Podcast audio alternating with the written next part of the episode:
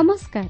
ଆରମ୍ଭ କରୁଛୁ ଆମର ବାଇବଲ ଅଧ୍ୟୟନର କାର୍ଯ୍ୟକ୍ରମ ପଥ ପ୍ରଦର୍ଶିକା।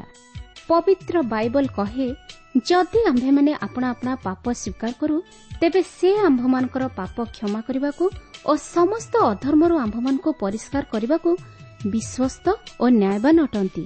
ଆସନ୍ତୁ ସେହି ଉଦ୍ଧାରକର୍ତ୍ତାଙ୍କର ପରିଚୟ ପାଇବା ନିମନ୍ତେ ଶୁଣିବା ବେତାର କାର୍ଯ୍ୟକ୍ରମ ପଥ ପ୍ରଦର୍ଶିକା। believe.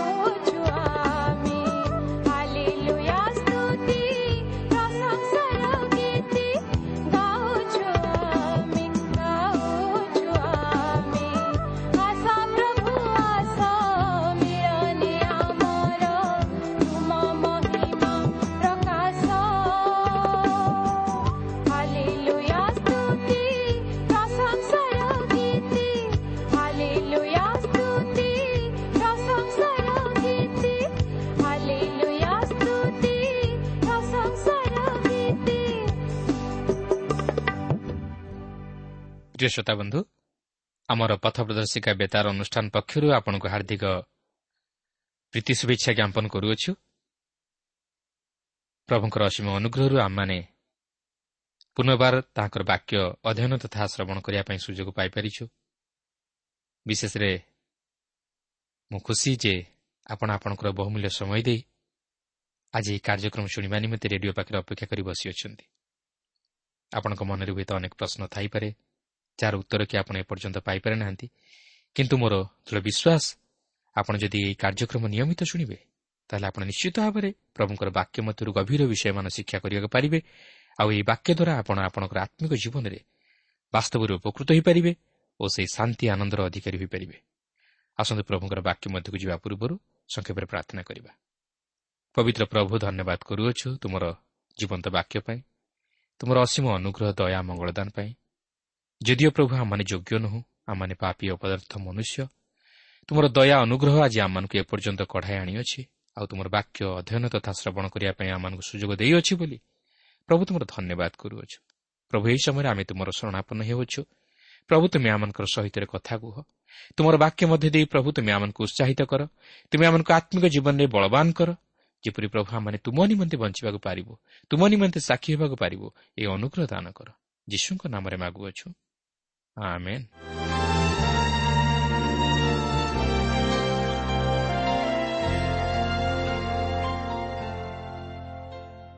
ଆସନ୍ତୁ ବର୍ତ୍ତମାନ ଆମେ ପ୍ରଭୁଙ୍କର ବାକ୍ୟ ମଧ୍ୟକୁ ଯିବା ଆଜି ଆମେ ପ୍ରେରିତ ତେଇଶ ପର୍ବର ଏଗାର ପଦରୁ ଆରମ୍ଭ କରି ପଞ୍ଚତିରିଶ ପଦ ପର୍ଯ୍ୟନ୍ତ ଅଧ୍ୟୟନ କରିବା ନିମନ୍ତେ ଯିବା ଆପଣଙ୍କର ମନେଥିବ ଗତ ପାଠରେ ଆମେ ଦେଖିଥିଲୁ ପାଉଲ ମହାସଭା ନିକଟରେ ଆତ୍ମପକ୍ଷ ସମର୍ଥନ କରି କଥା କହୁଥିବା ସମୟରେ ମହାଯାଜକ ଓ ସମସ୍ତ ମହାସଭା ତାହାଙ୍କ ବିରୁଦ୍ଧରେ ଉଠି ତାହାଙ୍କୁ ଦୋଷାରୋପ କରି ବଧ କରିବା ନିମନ୍ତେ ଚେଷ୍ଟା କଲେ। କିନ୍ତୁ ପାଉଲ ନିଜକୁ ଫାରୁସି ବୋଲି ପରିଚୟ ଦେବାରୁ ସେହି ଦଳରେ ଥିବା ଫାରୁସିମାନେ ପାଉଲଙ୍କର ସପକ୍ଷ ହେଲେ ଯଦ୍ୱାରା ଫାରୁସି ଓ ସାଧୁକୀ ଦଳ ମଧ୍ୟରେ ବିବାଦ ଉପୁଜିଲା।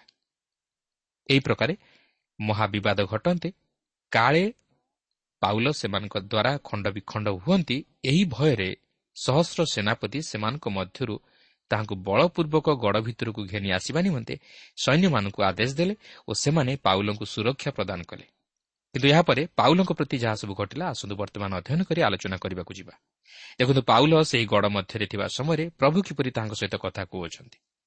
ତେଇଶ ପର୍ବର ଏଗାର ପଦରେ ଏହିପରି ଲେଖା ଅଛି ପରରାତ୍ରରେ ପ୍ରଭୁ ତାଙ୍କ ପାଖରେ ଠିଆ ହୋଇ କହିଲେ ସାହସ ଧର କାରଣ ତୁମେ ଯେପରି ଜିରୁସାଲାମରେ ଆମ୍ଭ ବିଷୟ ସାକ୍ଷ୍ୟ ଦେଇଅଛ ସେହିପରି ତୁମକୁ ରୋମ୍ରେ ମଧ୍ୟ ସାକ୍ଷ୍ୟ ଦେବାକୁ ହେବ। ଏଥିରୁ ଆମେ ଜାଣିବାକୁ ପାରୁଛୁ ଯେ ପାଉଲଙ୍କର ଜିରୁସାଲାମକୁ ଯାତ୍ରା କରିବା ଈଶ୍ୱରଙ୍କ ଇଚ୍ଛା ବିରୁଦ୍ଧ ନଥିଲା। କାରଣ ପ୍ରଭୁ ତାହାଙ୍କୁ ଦର୍ଶନ ଦେଇ କହନ୍ତି ତୁମେ ଯେପରି ଜିରୁସାଲାମରେ ଆମ୍ଭ ବିଷୟ ସାକ୍ଷ୍ୟ ଦେଇଅଛ ସେହିପରି ତୁମକୁ ରୋମ୍ରେ ମଧ୍ୟ ସାକ୍ଷ୍ୟ ଦେବାକୁ ହେବ। ଏହା ହିଁ ଥିଲା ଈଶ୍ୱରଙ୍କର ଯୋଜନା। ଆପଣ ଦେଖନ୍ତୁ ପବିତ୍ର ଆତ୍ମା ପୂର୍ବରୁ ପାଉଲଙ୍କୁ ଜଣାଇ ଦେଇଥିଲେ ଯେ ଯଦି ସେ ଜିରୁସାଲାମକୁ ଯାଆନ୍ତି ତାହେଲେ ସେ ନିଶ୍ଚିତ ଭାବେ ବନ୍ଧନ କ୍ଲେଶର ସମ୍ମୁଖୀନ ହେବେ। କିନ୍ତୁ ଏହା ସତ୍ତ୍ୱେ ମଧ୍ୟ ପାଉଲ ଜିରୁସାଲାମକୁ ଯାଇ ସେହି ସହରରେ ପ୍ରଭୁ ଯୀଶୁଖ୍ରୀଷ୍ଟଙ୍କ ନିମନ୍ତେ ସାକ୍ଷୀ ହେଲେ। କିନ୍ତୁ ଈଶ୍ୱର ବର୍ତ୍ତମାନ ତାହାକୁ କହନ୍ତି ପାଉଲ ତୁମେ ଜିରୁସାଲମରେ ଯେପରି ଆମ୍ଭ ବିଷୟ ସାକ୍ଷ୍ୟ ଦେଇଅଛ ସେହିପରି ରୋମରେ ମଧ୍ୟ ତୁମକୁ ସାକ୍ଷ୍ୟ ଦେବାକୁ ହେବ। ପାଉଲ ଜିରୁସାଲମରେ ଏହିପରି କେବେ ହେଲେ ସୁସମାଚାର ପ୍ରଚାର କରିବା ନିମନ୍ତେ ପୂର୍ବରୁ ସୁଯୋଗ ପାଇନଥିଲେ। କେବଳ ସେତିକି ନୁହେଁ ବର୍ତ୍ତମାନ ଈଶ୍ୱର ତାହାଙ୍କୁ ରୋମରେ ମଧ୍ୟ ପ୍ରଚାର କରିବା ନିମନ୍ତେ ସୁଯୋଗ ଦେଉଛନ୍ତି। ଏହା ମଧ୍ୟ ଈଶ୍ୱରଙ୍କର ଇଚ୍ଛା ଯେପରି ପାଉଲ ରୋମ୍କୁ ଯାଆନ୍ତୁ। କିନ୍ତୁ ଏଠାରେ ଏକ ଗୁରୁତ୍ୱପୂର୍ଣ୍ଣ ବିଷୟ ଲକ୍ଷ୍ୟ କରିବେ ଯେ ପ୍ରଭୁ ପାଉଲଙ୍କୁ ତାହାଙ୍କର ସେହି ଜୁରୁସାଲାମକୁ ଯାତ୍ରା କରିବା ନେଇ କୌଣସି ପ୍ରକାର ଅନୁଯୋଗ କରୁନାହାନ୍ତି। ସେ କହୁନାହାନ୍ତି ଦେଖ ପାଉଲ ମୁଁ ତୁମକୁ ଜିରୁସାଲାମକୁ ଯିବାକୁ ମନା କରିଥିଲି ଯେପରି ତୁମେ ସେଠାକୁ ଯାଇ ସମସ୍ୟାର ସମ୍ମୁଖୀନ ନ ହୁଅ। ମାତ୍ର ତୁମେ ମୋ କଥା ଶୁଣିଲ ନାହିଁ। କିନ୍ତୁ ତହିଁ ପରିବର୍ତ୍ତେ ପ୍ରଭୁ ତାହାଙ୍କୁ ଉତ୍ସାହିତ କରୁଅଛନ୍ତି। ଓ ରୋମ୍ରେ ମଧ୍ୟ ଯେପରି ସେ ଯାଇ ସାକ୍ଷୀ ହୁଅନ୍ତି ଏଥି ନିମନ୍ତେ ତାହାଙ୍କୁ ରୋମ୍କୁ ଯିବା ନିମନ୍ତେ କହନ୍ତି। ତେବେ ଦେଖନ୍ତୁ ପାଉଲ ରୋମ୍କୁ ଯିବାରେ କିପରି ଈଶ୍ୱରଙ୍କର ଯୋଜନା କାର୍ଯ୍ୟ କରୁଅଛି। ତେଇଶ ପର୍ବର ବାର ପଦରୁ ତେର ପଦ ମଧ୍ୟରେ ଲେଖା ଅଛି ଦିନ ହୁଅନ୍ତେ ଜିହୁଦୀମାନେ ଦଳବଦ୍ଧ ହୋଇ ପାଉଲଙ୍କୁ ବଧ ନ କରିବା ପର୍ଯ୍ୟନ୍ତ ଅନ୍ନ ଜଳ ସ୍ପର୍ଶ କଲେ ଅଭିଶପ୍ତ ହେବେ ବୋଲି ଶପଥରେ ଆପଣା ଆପଣାକୁ ଆବଦ୍ଧ କଲେ। ଏହି ଷଡ଼ଯନ୍ତ୍ର କରିଥିବା ଲୋକମାନେ ଚାଳିଶ ଜଣରୁ ଅଧିକ ଥିଲେ। ଦେଖନ୍ତୁ ଏଥିରୁ ଆପଣ ଅନୁମାନ କରିପାରୁଥିବେ ଯେ ସେମାନେ ପାଉଲଙ୍କୁ ବଧ କରିବା ନିମନ୍ତେ କେତେ ଦୂର ବଧ ପରିକର ଥିଲେ। ସେମାନେ ପାଉଲଙ୍କୁ ବଧ ନ କରିବା ପର୍ଯ୍ୟନ୍ତ ଅନ୍ନ ଜଳ ସ୍ପର୍ଶ କରିବେ ନାହିଁ ବୋଲି ଶପଥ ଗ୍ରହଣ କରିଥିଲେ। ଚଉଦ ଓ ପନ୍ଦର ପଦରେ ଲେଖା ଅଛି ସେମାନେ ପ୍ରଧାନ ଯାଜକ ଓ ପ୍ରାଚୀନମାନଙ୍କ ନିକଟକୁ ଆସି କହିଲେ ଆମ୍ଭେମାନେ ପାଉଲଙ୍କୁ ବଧ ନ କରିବା ପର୍ଯ୍ୟନ୍ତ କିଛି ଆସ୍ୱାଦନ କଲେ ଅଭିଶପ୍ତ ହେବୁ ବୋଲି ଆପଣ ଆପଣାକୁ ଦୃଢ଼ ଶପଥରେ ଆବଦ୍ଧ କରିଅଛୁ। ଅତଏବ ଆପଣମାନେ ଅଧିକ ସୂକ୍ଷ୍ମ ରୂପେ ତାହାର ବିଚାର କରିବାକୁ ଇଚ୍ଛା କରୁଅଛନ୍ତି ବୋଲି ଛଳନା କରି ତାକୁ ଆପଣମାନଙ୍କ ନିକଟକୁ ଆଣିବା ନିମନ୍ତେ ଏବେ ମହାସଭା ସହିତ ସହସ୍ର ସେନାପତିଙ୍କୁ ନିବେଦନ କରନ୍ତୁ। ସେ ଆପଣମାନଙ୍କ ନିକଟକୁ ଆସିବା ପୂର୍ବେ ଆମ୍ଭେମାନେ ତାକୁ ବଦ୍ଧ କରିବାକୁ ପ୍ରସ୍ତୁତ ଅଛୁ। ଦେଖନ୍ତୁ ପାଉଲଙ୍କୁ ବଧ କରିବା ନିମନ୍ତେ ସେମାନେ ଏହିପରି ଯୋଜନା କରିଥିଲେ। କିନ୍ତୁ ପ୍ରଭୁ ପାଉଲଙ୍କୁ ପୂର୍ବରୁ ପରିଷ୍କାର ଭାବେ ଜଣାଇ ଦେଇଥିଲେ ଯେ ତାହାଙ୍କ ନିମନ୍ତେ ପ୍ରଭୁଙ୍କର ଏକ ଭିନ୍ନ ଯୋଜନା ରହିଅଛି ଯେ ସେ ରୋମ୍କୁ ଯିବେ। ଆଉ ତାହା ମଧ୍ୟ ପ୍ରଭୁ ପାଉଲଙ୍କୁ ପୂର୍ବରୁ ଜଣାଇଦେବା ଦ୍ୱାରା ଖୁବ୍ ଭଲ କରିଥିଲେ। ଷୋହଳରୁ ଅଠର ପଦରେ ଲେଖା ଅଛି କିନ୍ତୁ ପାଉଲଙ୍କ ଭଣଜା ସେମାନଙ୍କର ଛକି ରହିବା କଥା ଶୁଣି ଆସି ଗଡ଼ ମଧ୍ୟରେ ପ୍ରବେଶ କରି ପାଉଲଙ୍କୁ ଜଣାଇଲା। ସେଥିରେ ପାଉଲ ଜଣେ ସତ ସେନାପତିଙ୍କୁ ଡାକି କହିଲେ ଏହି ଯୁବାକୁ ସହସ୍ର ସେନାପତିଙ୍କ ନିକଟକୁ ଘେନି ଯାଆନ୍ତୁ କାରଣ ତାଙ୍କୁ ଜଣାଇବା ନିମନ୍ତେ ଏହାର କିଛି କଥା ଅଛି। ତେଣୁ ସେ ତାକୁ ସହସ୍ର ସେନାପତିଙ୍କ ନିକଟକୁ ଘେନିଯାଇ କହିଲେ ବନ୍ଦୀ ପାଉଲ ଆପଣା ନିକଟକୁ ମୋତେ ଡାକି ଆପଣଙ୍କ ପାଖକୁ ଏହି ଯୁବାକୁ ଘେନି ଆସିବା ନିମନ୍ତେ ଅନୁରୋଧ କଲା। ଆପଣଙ୍କୁ କହିବା ନିମନ୍ତେ ଏହାର କିଛି କଥା ଅଛି ପାଉଲ ଏଠାରେ ଜଣେ ରୋମିଓ ନାଗରିକ ଭାବେ ତାହାଙ୍କର ଅଧିକାରକୁ ପ୍ରୟୋଗ କରୁଅଛନ୍ତି ଯାହା କରିବାକୁ ତାହାଙ୍କର ପ୍ରକୃତ ଅଧିକାର ଅଛି। ଏଥିସହିତ ମଧ୍ୟ ପାଉଲଙ୍କ ପରିବାର ସମ୍ପର୍କରେ ଆମେ ଅଧିକ କିଛି ଜାଣିବାକୁ ପାରୁ। ଆମେ ଦେଖୁ ଯେ ତାହାଙ୍କର ଭଉଣୀ ଓ ପରିବାର ମଧ୍ୟ ଜିରୁସାଲାମରେ ବାସ କରୁଥିଲେ। କାରଣ ଯେତେବେଳେ ଆମେ ଭଣଜାଙ୍କ ବିଷୟ ନେଇ ପ୍ରକାଶ କରାଯାଇଥିବାର ଲକ୍ଷ୍ୟ କରୁ ସେତେବେଳେ ଆମେ ତାହାଙ୍କ ଭଉଣୀଙ୍କ ପରିବାର ମଧ୍ୟ ଯେ ସେହିଠାରେ ରହୁଥିଲେ ତାହା ଜାଣିବାକୁ ପାରୁ। ଦେଖନ୍ତୁ ପ୍ରଭୁ କିପରି ପାଉଲଙ୍କୁ ତାହାଙ୍କ ଭଣଜାଙ୍କ ଦ୍ୱାରା ଉଦ୍ଧାର କରୁଅଛନ୍ତି ଓ ତାହାଙ୍କର ଯୋଜନାକୁ ପାଉଲଙ୍କ ଜୀବନରେ ସଫଳ କରିବା ପାଇଁ ଯାଉଅଛନ୍ତି। ତେଇଶ ପର୍ବର ଉଣେଇଶରୁ ବାଇଶ ପଦ ମଧ୍ୟରେ ଲେଖା ଅଛି ସହସ୍ର ସେନାପତି ତାର ହାତ ଧରି ତାକୁ ନିର୍ଜନକୁ ଘେନିଯାଇ ପଚାରିଲେ ମୋତେ ଜଣାଇବା ନିମନ୍ତେ ତୁମର କ'ଣ ଅଛି? ସେ କହିଲା ପାଉଲଙ୍କ ବିଷୟରେ ଅଧିକ ସୂକ୍ଷ୍ମ ରୂପେ ଅନୁସନ୍ଧାନ କରିବା ଛଳରେ ଜୁହୁଦୀମାନେ ତାଙ୍କୁ କାଲି ମହାସଭା ନିକଟକୁ ଆଣିବା ନିମନ୍ତେ ଆପଣଙ୍କୁ ଅନୁରୋଧ କରିବା ପାଇଁ ଏକମତ ହୋଇଅଛନ୍ତି। ଏଣୁ ଆପଣ ସେମାନଙ୍କ କଥାରେ ସମ୍ମତ ହେବେ ନାହିଁ। କାରଣ ତାଙ୍କୁ ବଧ ନ କରିବା ପର୍ଯ୍ୟନ୍ତ ଅନ୍ୟ ଜଳ ସ୍ପର୍ଶ କଲେ ଅଭିଶପ୍ତ ହେବେ ବୋଲି ଆପଣ ଆପଣାକୁ ଶପଥରେ ଆବଦ୍ଧ କରି ଚାଳିଶ ଜଣରୁ ଅଧିକ ଲୋକ ତାଙ୍କୁ ଛକି ରହିଅଛନ୍ତି। ଆଉ ଏବେ ସେମାନେ ଆପଣଙ୍କଠାରୁ ଅନୁମତି ପାଇବା ନିମନ୍ତେ ଅପେକ୍ଷା କରି ପ୍ରସ୍ତୁତ ହୋଇ ରହିଅଛନ୍ତି। ସେଥିରେ ସହସ୍ର ସେନାପତି ସେହି ଯୁବାକୁ ବିଦାୟ ଦେଇ ତାକୁ ଆଜ୍ଞା କଲେ ତୁମ୍ଭେ ଯେ ଏହି ସମସ୍ତ କଥା ମୋତେ ଜଣାଇଅଛ ତାହା କାହାକୁ କହିବ ନାହିଁ? ଦେଖନ୍ତୁ ଏହିପରି ଭାବେ ସହସ୍ର ସେନାପତି ଜାଣିବାକୁ ପାରିଲେ ଯେ ପାଉଲଙ୍କୁ ବଦ୍ଧ କରିବା ନିମନ୍ତେ ଯୋଜନା କରାଯାଇଅଛି। କିନ୍ତୁ ଏଠାରେ ଏକ ବିଷୟ ଆମେ ଲକ୍ଷ୍ୟ କରିବାକୁ ପାରୁଛୁ ଯେ ଆମେ ପ୍ରତ୍ୟେକ ପରିସ୍ଥିତିରେ ବୁଦ୍ଧିର ସହିତ ମଧ୍ୟ ଆଚରଣ କରିବାକୁ ହେବ କାର୍ଯ୍ୟ କରିବାକୁ ହେବ। ଈଶ୍ୱର ଦେଇଥିବା ଜ୍ଞାନ ଓ ଉପସ୍ଥିତି ବୁଦ୍ଧି ତଥା ସୁବିଧା ସୁଯୋଗର ସଦ୍ବ୍ୟବହାର କରିବାକୁ ହେବ। କେବଳ ପ୍ରାର୍ଥନା କରିଦେଲେ ହେବ ନାହିଁ ପ୍ରାର୍ଥନା କରିବା ସହିତ ମଧ୍ୟ ବିଶ୍ୱାସରେ ଦୃଢ଼ ରହି ପଦକ୍ଷେପ ନେବାକୁ ହେବ। ସେଦିନ ଯଦି ପାଉଲ ତାହାଙ୍କର ଭଣଜାଙ୍କଠାରୁ ସେହି ସମ୍ବାଦ ପାଇ ତାହାଙ୍କୁ କହିଥାନ୍ତେ ମୋତେ ଏହି ସମ୍ବାଦ ଜଣାଇଥିବାରୁ ବିଶେଷ ଧନ୍ୟବାଦ। କିନ୍ତୁ ମୁଁ ଯେଉଁ ଈଶ୍ୱରଙ୍କଠାରେ ବିଶ୍ୱାସ କରୁଅଛି ଓ ଭରସା ରଖିଅଛି ସେ ମୋତେ ଉଦ୍ଧାର କରିବେ। ତେଣୁ ତୁମେ ଘରକୁ ଯାଅ। ତାହେଲେ ପାଉଲ କେବେ ହେଲେ ରକ୍ଷା ପାଇପାରିନଥାନ୍ତେ କିନ୍ତୁ ପାଉଲ ସେପରି କଲେ ନାହିଁ। ସେ ରୋମିଓ ନାଗରିକର ସୁବିଧା ସୁଯୋଗକୁ ବ୍ୟବହାର କଲେ। ସେ ତାଙ୍କର ଭଣଜାକୁ ଜଣେ ସେନାପତିଙ୍କ ହସ୍ତରେ ଦେଇ ତାହାଙ୍କୁ ସହସ୍ର ସେନାପତିଙ୍କ ନିକଟକୁ ପଠାଇଦେଲେ ଯେପରି ସେ ସହସ୍ର ସେନାପତିଙ୍କୁ ତାହା ଜଣାଇ ତାହାଙ୍କୁ ମୃତ୍ୟୁ ମୁଖରୁ ଉଦ୍ଧାର କରନ୍ତି। କିନ୍ତୁ ଏହାର ଅର୍ଥ ନୁହେଁ ଯେ ପାଉଲ ପ୍ରଭୁଙ୍କଠାରେ ବିଶ୍ୱାସ ସ୍ଥାପନ କରିନଥିଲେ ମାତ୍ର ପ୍ରଭୁ ଯୋଗାଇଥିବା ସୁଯୋଗକୁ ସେ ବ୍ୟବହାର କରିଥିଲେ। କାରଣ ପ୍ରଭୁ ଆମମାନଙ୍କ ନିମନ୍ତେ ଏହିପରି ବିପଦ ବା ଆବଶ୍ୟକ ସମୟରେ ସାହାଯ୍ୟ ପଠାନ୍ତି। ଓ ସେ ଚାହାନ୍ତି ଆମେ ଯେପରି ତାହାକୁ କାର୍ଯ୍ୟକାରୀ କରୁ। ଯେପରି ତାହାଙ୍କର ଅଭିମତ ସଫଳ ହେବାକୁ ପାରେ।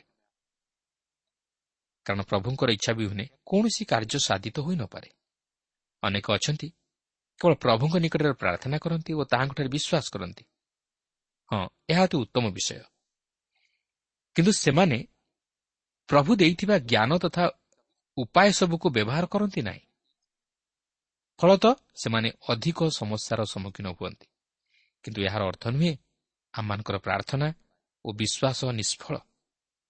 କିନ୍ତୁ ଅନେକ ସମୟରେ ଈଶ୍ୱର ତାହାଙ୍କର ମହତ ଯୋଜନାକୁ ଆମମାନଙ୍କ ଜୀବନରେ ସଫଳ କରିବା ନିମନ୍ତେ ଆମମାନଙ୍କ ନିମନ୍ତେ ସେ ଏକ ଉପାୟ ବା ଯୋଜନା ପ୍ରସ୍ତୁତ କରିଥାନ୍ତି। ଏଠାରେ ସେ ଯେପରି ପାଉଲଙ୍କୁ ରକ୍ଷା କରିବା ନିମନ୍ତେ ତାହାଙ୍କ ଭଣଜାକୁ ପଠାଇଲେ ଓ ସେ ମଧ୍ୟ ବୁଦ୍ଧିର ସହିତ ଉପାୟ ଅବଲମ୍ବନ କରି ନିଜକୁ ବିପଦମୁକ୍ତ କଲେ ତେଣୁ ଆମେ ମଧ୍ୟ ପ୍ରଭୁଙ୍କଠାରେ ପ୍ରାର୍ଥନା ଓ ବିଶ୍ୱାସରେ ସ୍ଥିର ରହିବା ସଙ୍ଗେ ସଙ୍ଗେ ବୁଦ୍ଧିର ସହିତ କାର୍ଯ୍ୟ ମଧ୍ୟ କରିବା ଉଚିତ ଓ ପ୍ରଭୁ ଦେଇଥିବା ସମସ୍ତ ସାହାଯ୍ୟକୁ କାର୍ଯ୍ୟକାରୀ କରିବା ଉଚିତ। ଏପରିକି ପ୍ରଭୁ ଜଣେ ରୋଗୀ ନିମନ୍ତେ ଡାକ୍ତର ଓ ଔଷଧ ମଧ୍ୟ ଯୋଗାଇଥାନ୍ତି। କିନ୍ତୁ ଏହାର ଅର୍ଥ ନୁହେଁ ଯେ ରୋଗୀ କେବଳ ଡାକ୍ତର ଓ ଔଷଧ ଉପରେ ନିର୍ଭର କରୁ।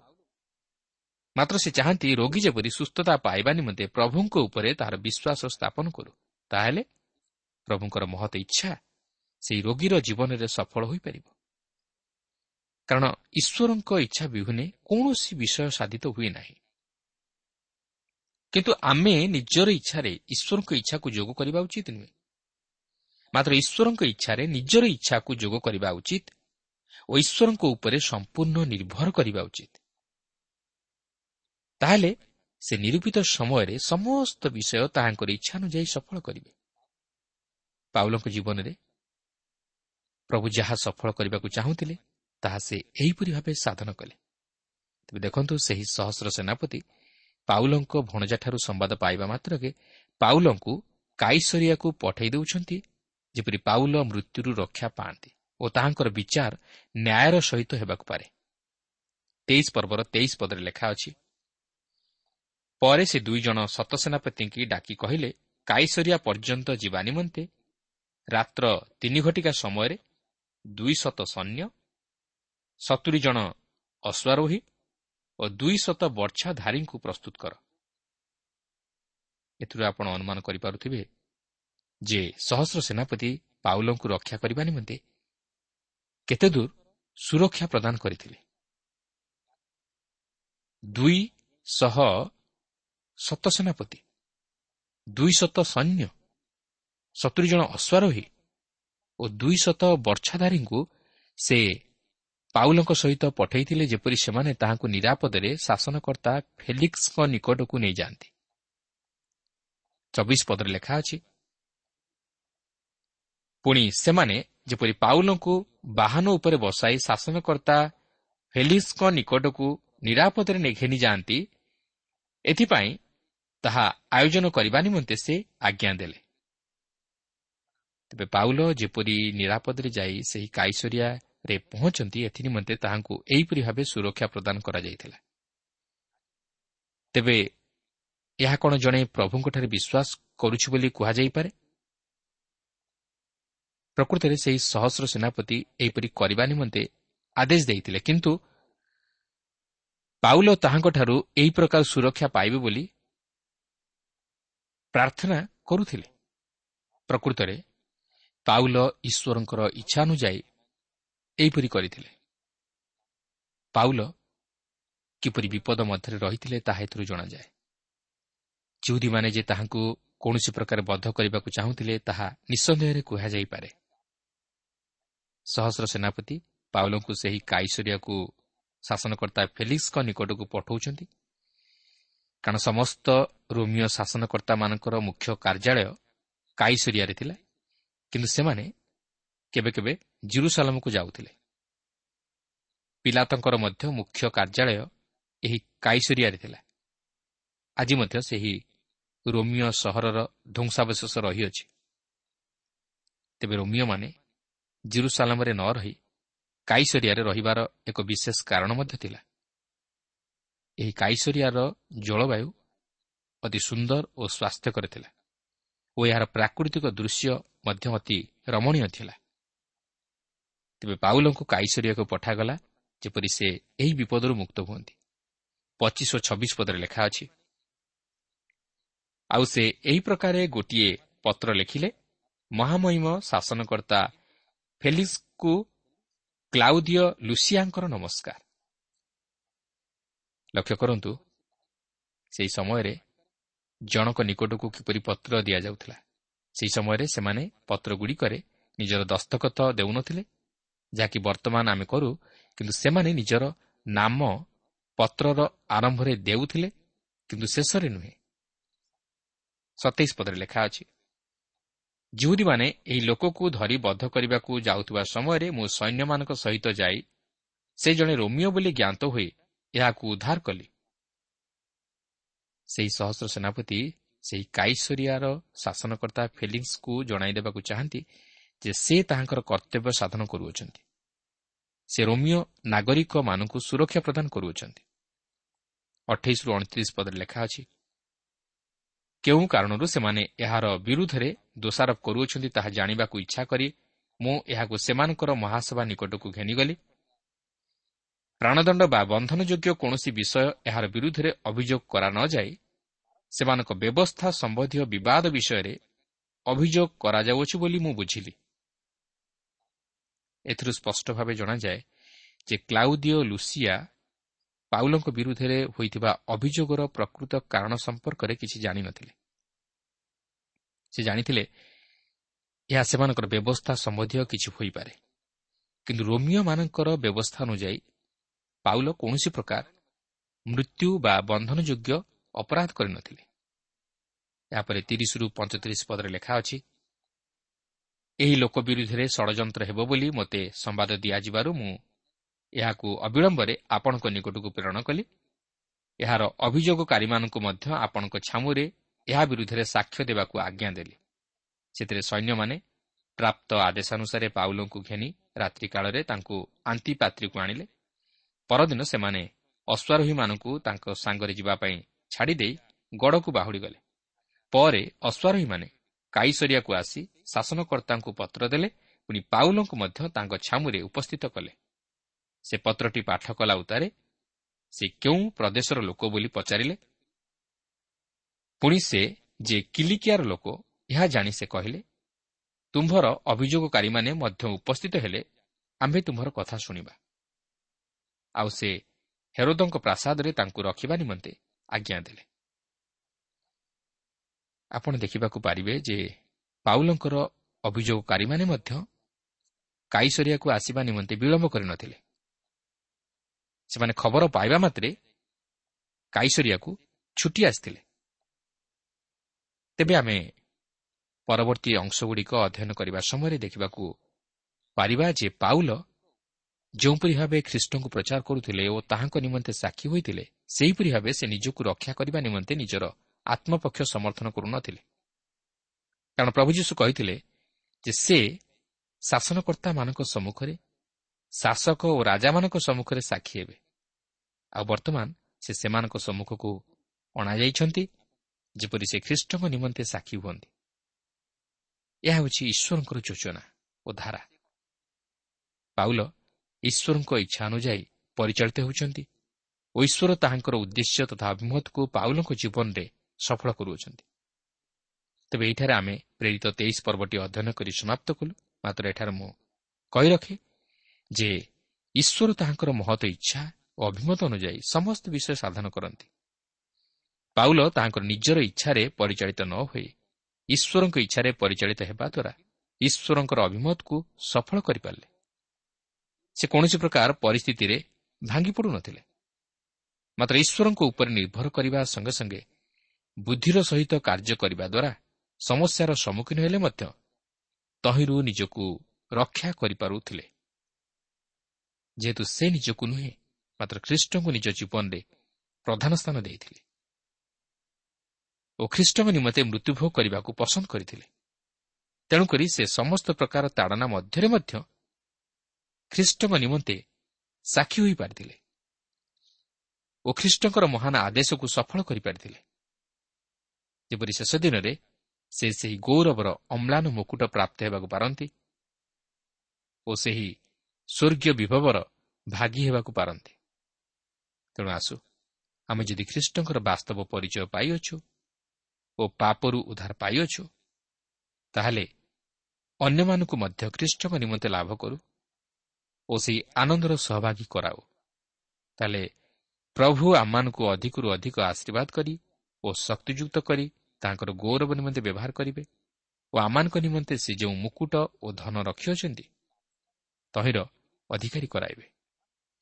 ତେଣୁ ପ୍ରିୟ ବନ୍ଧୁ ପ୍ରଭୁ ଆଜି ତାଙ୍କର ଏହି ବାକ୍ୟ ଦ୍ୱାରା ଆମମାନଙ୍କୁ ସଚେତନ କରାଇ ଦିଅନ୍ତି ଯେ ଆମମାନେ ନିଜେ ପାପରୁ ଉଦ୍ଧାର ପାଇବା ସଙ୍ଗେ ସଙ୍ଗେ ଅନ୍ୟମାନଙ୍କ ନିକଟରେ ଖ୍ରୀଷ୍ଟଙ୍କୁ ପ୍ରଚାର କରୁ।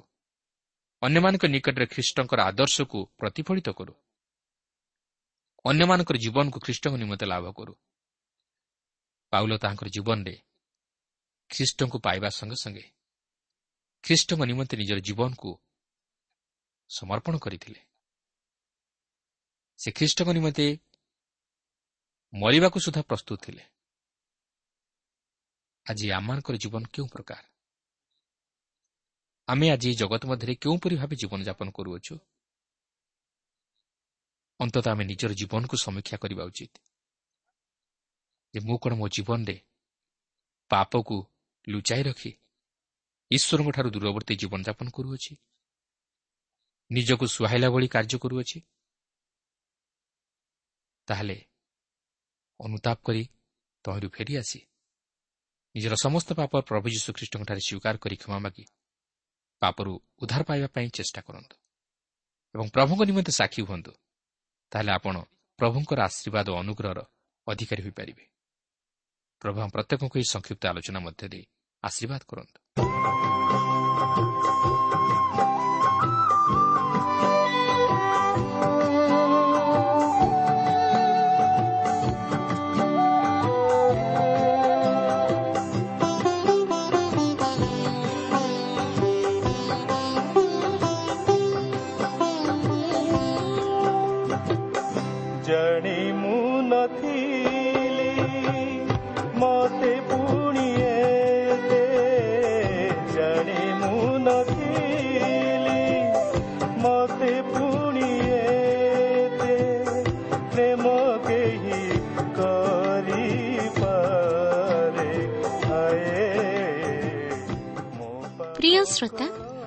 ଆମର କାର୍ଯ୍ୟକ୍ରମ ନିୟମିତ ଶୁଣୁଥିବାରୁ ଅଶେଷ ଧନ୍ୟବାଦ।